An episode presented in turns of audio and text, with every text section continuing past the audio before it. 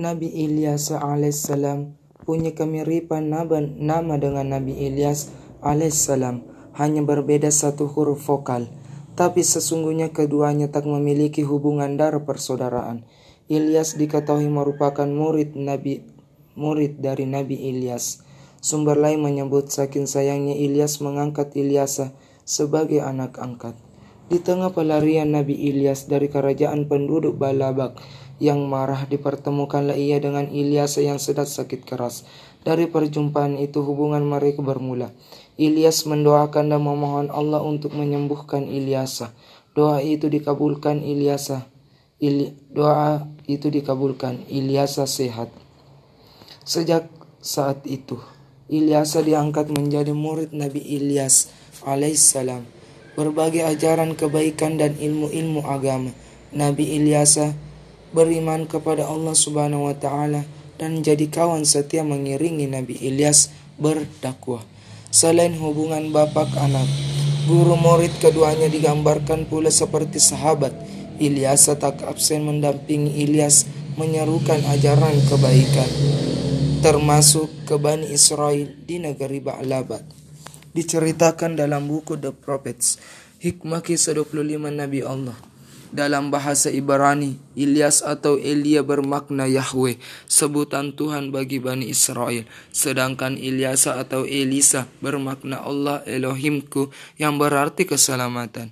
Nabi tersebut, nama tersebut merupakan gelar sekaligus menjadi penanda bahwa Ilyas meneruskan tugas kenabian Ilyas. Ilyas mendatangi Ilyas menyampaikan kabar dari Allah. Kemudian Ilyas mengikuti bimbingan Ilyas. Demikian ditulis dalam buku karya Dia Novianti. Setelah Nabi Ilyas wafat, Ilyas menurut meneruskan tugas sebagai nabi untuk menyebarkan ajaran Allah Subhanahu wa taala dan mengajak ke kebaikan. Dalam Al-Quran, Nabi nama Nabi Ilyas disebut dua kali dalam surah Al-An'am dan surah Sot. Allah berfirman dalam surah Al-An'am ayat 86 dan 87 bahwa Ilyas termasuk dalam manusia-manusia pilihan. Dan Ismail, Ilyasa, Yunus, dan Lut. Masing-masing kami lebihkan derajatnya di atas umat di masanya.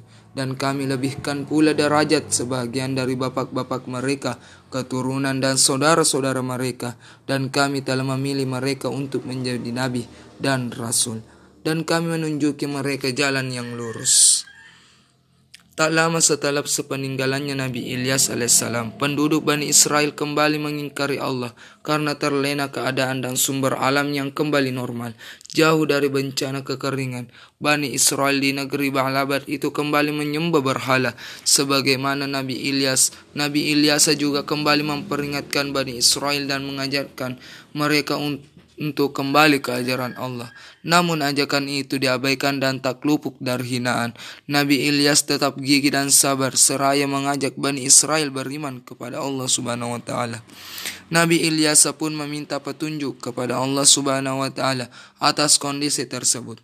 Pertanyaan Ilyas dijawab dengan penduduk di negeri Ba'labak, itu yang kembali dilanda bencana kekeringan. Ilyas kembali memperingatkan kaumnya untuk bertobat tapi lagi-lagi tak diperdulikan.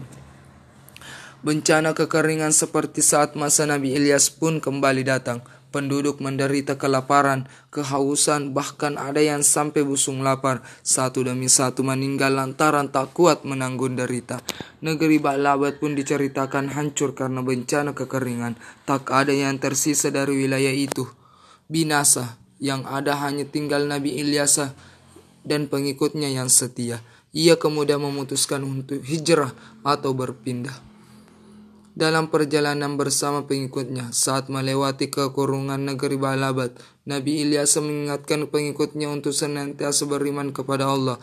Salah satu hikmah dari kisah Nabi Ilyas adalah sifat sombong dan takabur penduduk Balabak yang mengingkari nikmat Allah Subhanahu wa taala setelah diberikan kembali kemakmuran, hujan dan sumber daya alam yang hilang mereka lupa lantas mengingkari Allah. Lalu Allah mendatangkan pelajaran dengan melenyapkan segala nikmat dan kesenangan hidup mereka. Akhirnya kesengsaraan yang didapat. Teladan lain dari Nabi Ilyas adalah sikap pantang menyerah dan pemaaf. Sekalipun mendapat perlakuan tak mengenakan, ia juga memegang amanah untuk meneruskan dakwah umat Nabi Ilyas dan mengimani taat terhadap Allah hingga akhir hayatnya.